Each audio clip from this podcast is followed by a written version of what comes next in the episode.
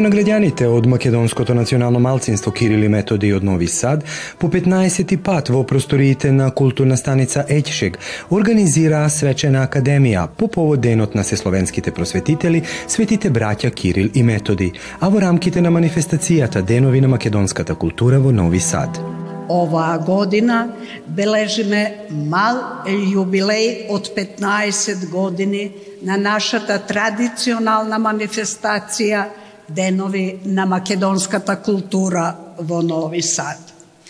Основна цел на Сдруженијето Кирил и Методи од основањето до денес пред се е да го сочуваме и негуваме нашиот мајчен јазик, културата, традицијата, а со тоа да го сочуваме и нашиот идентитет. А токму, брајчата Кирил и Методи се основоположници на писменоста, создавајќи го првото словенско писмо, глаголицата во деветиот век. Денес сме собрани овде во рамките на манифестацијата Денови на македонската култура во Нови Сад по јубилеен 15 пат да го одбележиме големото дело на светите браќа Кирил и Методи, големите дејци, мислители и светители, основоположниците на словенската писменост. На 24 мај, денот на сесловенските просветители, го одбележуваме епохалното дело на светите браќа, благодарение на кое македонскиот народ, но и на останатите словенски народи им беше овозможено самоуверено да зачекорат на светската цивилизацијска сцена. Благодарение на нивната цивилизацијска мисија, значи од чишто темел е создавањето на првата азбука, глаголицата, подоцна нивните следбеници, а меѓу нив и свети Климент Охриски, ќе ја создадат кирилицата како основа за стандардизација на, на македонскиот јазик и писмо. Данас прославljamo дан све словенских просветителја Светих Чирила и Методија, ali i tradicionalnu manifestaciju Dan makedonske kulture u Novom Sadu. Dozvolite mi da najpre naglasim da je obeležavanje dana svetih Čirila i Metodija, odnosno dana slovenske pismenosti, čiji su upravo oni bili utemeljivači, zapravo prilika da se posetimo koliki je značaj pisma i pismenosti kao i narodnog jezika uopšte u celini. Taj značaj, rekla bih, može da se uporedi sa svetionikom koji nam je kroz tamu minulih vekova posebno onih vekova koje smo proveli u tuđinskom ropstvu, upravo osvetljavao put očuvanja, samobitnost identiteta, ali i opstanka. Od tuda i neprolazna važnost velikih prosvetitelja u tradiciji slovenskih naroda i poštovanje koje im i mi danas iskazujemo. Големо задоволство ми е што ги слушнав зборовите кои ги слушнав од уважената секретарка, бидејќи тоа на Македонската национална заедница дава еден подстрек во незиното работење, еден подстрек во негувањето на македонската култура, македонскиот пишан збор, македонската традиција, македонската историја. Ние се трудиме како и секогаш да ги следиме двата битни начела кои ни се негде секогаш пред нас, а тоа е да бидеме лојални граѓани на државата во која живееме, но никогаш да не ја заборавиме нашата матична држава, држава, нашата традиција, нашата култура, нашата историја и ваквите настани, ваквите организации на најдобар и најквалитетен начин тоа го покажуваат. Минути посветени на светите браќа Кирил и Методи ги подготви Сандра Субиќ, професор по српски јазик и литература. Во првите децении на 9 век во Солун живеело семејството на висок службеник на царската власт, помошник на византискиот стратег на Солун и Солунската област. Тоа бил Лав со својата сопруга Марија, кои по народност биле македонци. Семејството имало повеќе деца, но се споминуваат само имињата на најстариот Методи и најмладиот Константин – Побожните родители ги упатиле своите синови уште од најраното детство во насока према христијанството, трудејќи се да им помогнат да ги применуваат возвишените христијански вистини во својот живот. Константин уште од својата младост се занимавал со списите на Свети Григори на Зијанзин и на Диониси Аеропагицки – Татко му го испратил во Цариград да го продолжи своето образование во Императорското Магнаурско училиште, каде освен богословските науки се изучувале и граматиката, аритметика, географија, астрономија, музика, поезија и реторика. Покрај овие науки Константин учел јазици – латински, еврејски и сирски. Откако го завршил високото образование, Константин бил назначен за библиотекар при црквата Света Софија, а потоа бил поставен за професор по, по филозофија во училиштето што го завршил. Тогаш го добил името Константин Филозоф. Што се однесува до методи, постојат мощни ускудни извори според кои тој се здобил со светско образование и се посветил на државната и војна служба. Подолго време управувал во Брегалничката област и придонесол христијанството длабоко да се всади во македонската душа во тој дел на Македонија.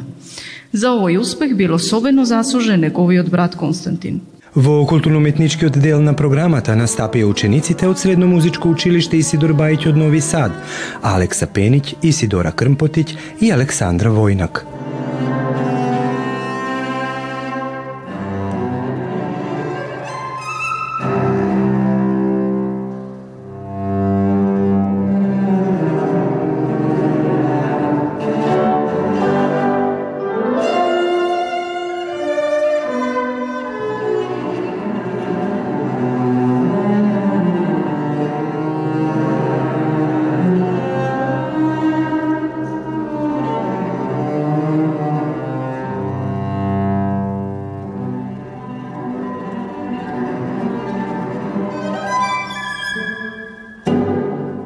Студентите на Академија на уметноста Катарина Јосифовска, Маша Драгаш и Бошко Стојадиновиќ.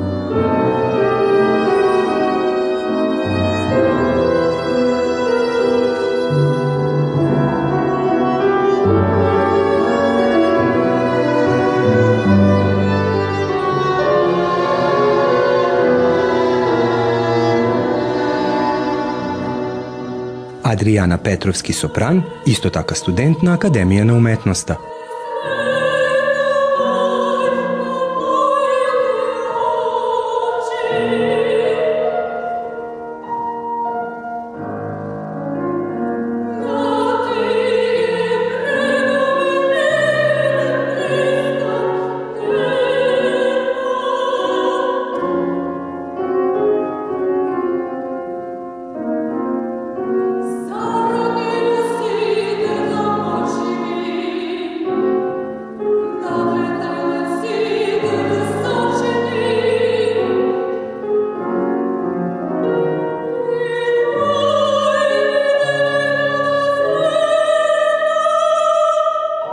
уметноста. како и група Велион со прекрасни изворни македонски песни. Прошета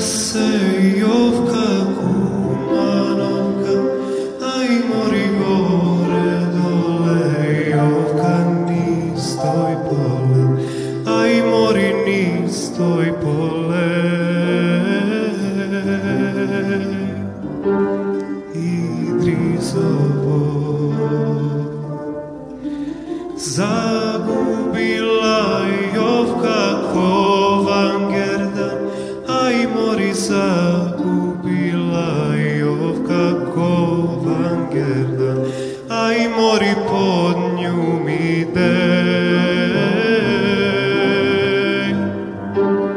Љати фагар. Свечената академија ќе емитираме во целост во текот на летниот период, а во рамките на емисијата Македонско сонце. Гледате палету. Избор из емисија на језицима национални заедница.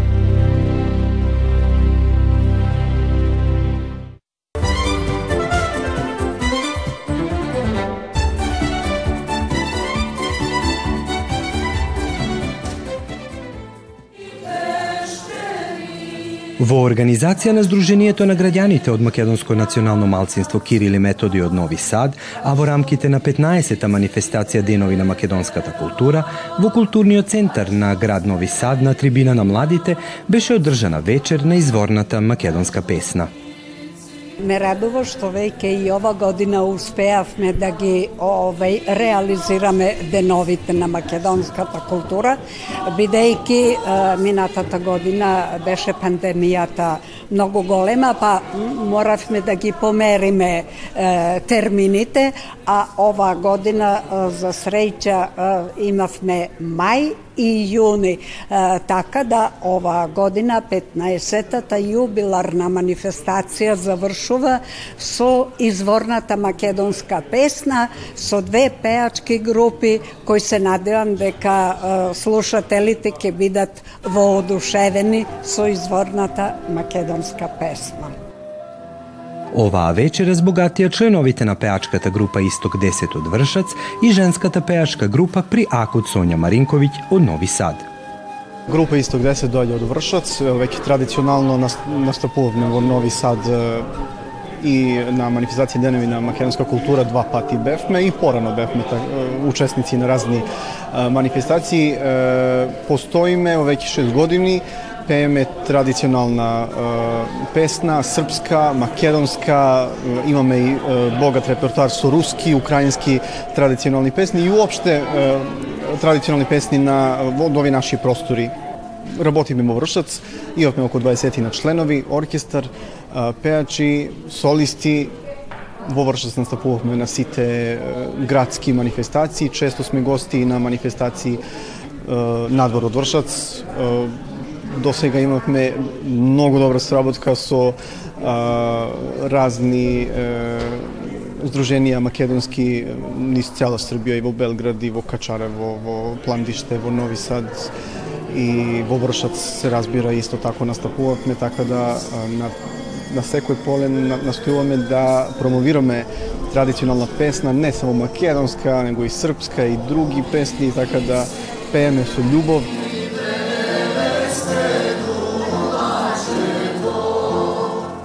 Многу е важно да, да чуваме национален идентитет, да чуваме култура, јазик, фолклор, традиција, па и музика. Specifično je to što među, među naša ta grupa ima dosta članovi koji se su poteklo makedonci i e, tako da to je jedan od razlog zašto makedonska e, muzika toliko i zastapena vo, vo ramkite na, na naša, naša grupa. Така да многу ми е важно, многу ми е и чест и задоволство да, da, промовирам македонска песна како со пење, тако и со, така и со свирење и е, драго ми е што што можеме да се представиме и е, во Нови Сад.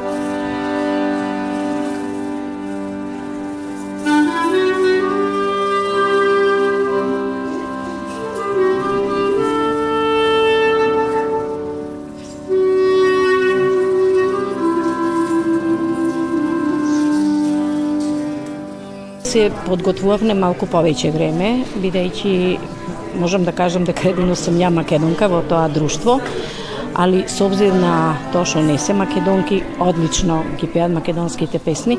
Настапуваме со 10 македонски песни. Извор вода извираше, брала му макапини, Марика на Марика Думаше, Доне Донке, овај Марике, овај мајка на Марика Думаше и така. Значи 10 песни имаме спремено за оваа вечер да малку овај ја обележиме нашата задна свечаност поводом браќата Кирил и Методи и нашата македонска писменост. Не би требало само јас, него би требало и сите македонци кои што се најдуваат на оваа територија да се малку придружат и да малку не има повеќе. Многу малку не има. Стварно, значи ова е за за, за заплашување да точно ни се губи идентитетот овде. Зато би требало, ги замолувам сите македонци кои што живеат на територија Нови Сад, да се приклучат. Имаме ние наше здружение Кирил и Методија кои се најдува во браќа Рибни Карапет. Би било пожелно да се учлен. Чланарина не е голема, али би било поволно да можеме да одиме напред. Со пет члена и со 10 члена не може да се работи ништо. Членовите на овие две пеачки групи со совршени изведби на македонските песни, публиката е прошетаа низ убавините на Македонија.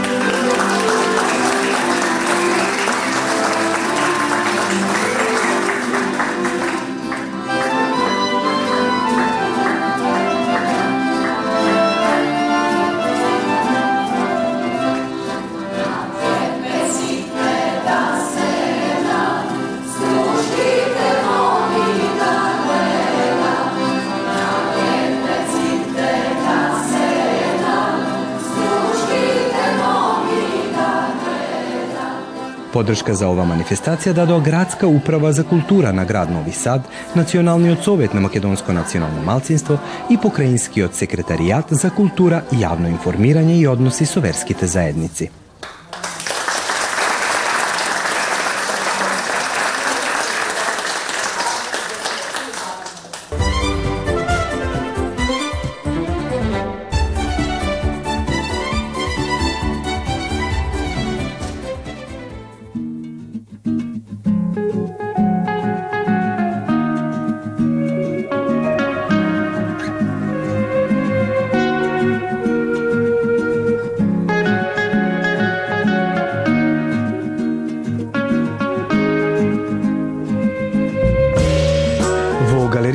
Простор на куќата на Ѓура Јакшич во Белград од 17 до 31 јули беше поставена самостојна изложба под името Неправилен ритам на уметничката Билјана Билбилоска, која ќе ви ја представиме во наредните минути.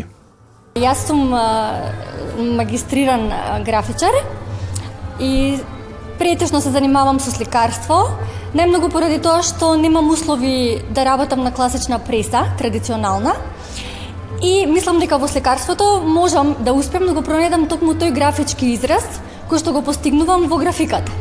Уметноста ја избрав пред се поради тоа што не е екзактна професија и остава многу простор на фантазијата. А, така што уште од рана воза знаев дека ќе се занимавам со уметност, токму и затоа ја избрав оваа професија.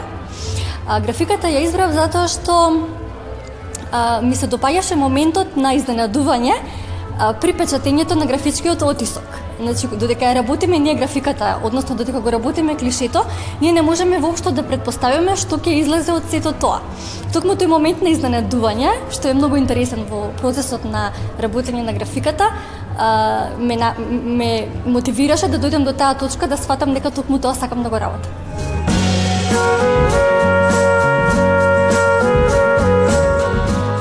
Тематски изложбата преку боите води диалог со музиката. Преку аналогија на овие две нешта ги сместува боите и звуците во една иста рамка и на иста фреквенција. Музиката е надоврзување на сликите, своевидна екстензија, дел од просторот, иако временски, несместлива во све три просторни димензии. Овие дела се работени во последните три години, меѓутоа 70% од оваа изложба е направена во последните 8-9 месеци, значи за време на пандемијата на COVID. морам да кажам дека тој период го поминав многу творечки. Бев нели затворена дома, меѓутоа творев. тука се представени 17 слики во техника акрил и масло на картони на платно. Темата на графика на изложбата е аналогијата помеѓу музиката и, слик, и сликарството бидејќи многу ја сакам музиката, додека сликам секогаш слушам музика и се занимавам со пеење. Решив да го направам токму тој интересен спој, како што и кажал самиот Кандински, дека музиката и сликарството се наоѓаат на иста фреквенција. Тоа еве оставам простор за фантазија на гледачите, самите да си ја замислат музиката која што ја има во сликите. Тоа е еден ритам кој што се повторува на еден неправилен начин, што значи можеби не се работи за некоја класична композиција која што има правилен ритам, туку повеќе асоцира на джез варијанта, на таа импровизација каде што ритмите се неправилни.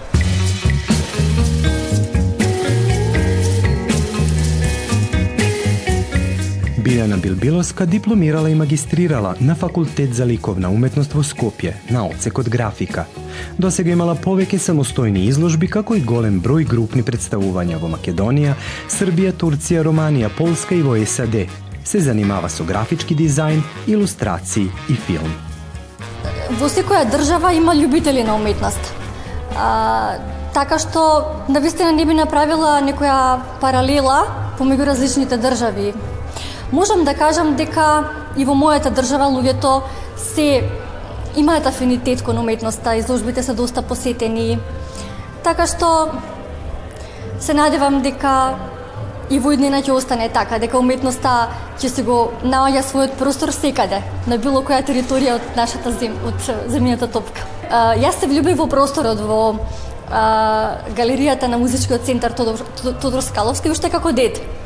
И секогаш замислувам дека тоа би било би бил еден идеален простор за да направам изложба и токму тоа и се случи. А, просторот е многу важен, затоа што а, просторот естетизира. Можам да направам една паралела со театарот. А, сите ликови кои што ги гледаме ние на, те, на театарската сцена се многу поестетски отколку кога ќе ги видиме во некој друг контекст. Значи, контекстот, без разлика дали е галерија или театарска сцена, или музичка сцена, естетизира. И мислам дека е многу важен.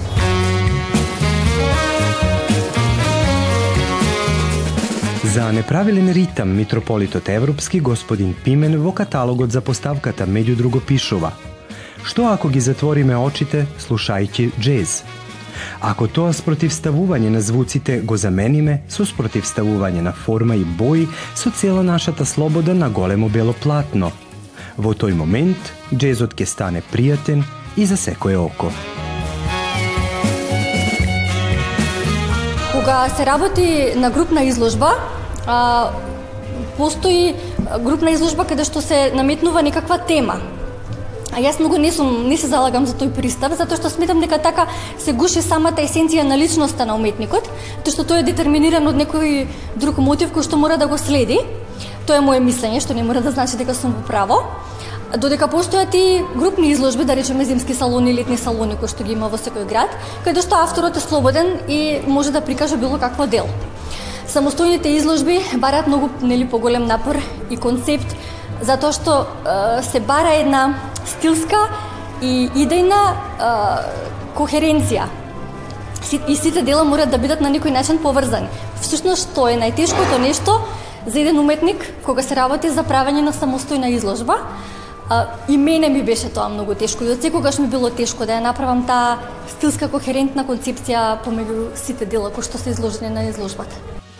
Од друга страна пак композиторот и режисер Глигор Кондовски во своето видување ќе забележи прелеани бои во синкопиран ритам, слеани во легатиран хармоничен ритам, кои така поврзани создаваат неправилна ритмична целина – ликовна конструкција на музички момент. Секако, и ние уживавме во оваа прекрасна комбинација на музиката и ликовните творби на Билјана Билбиловска.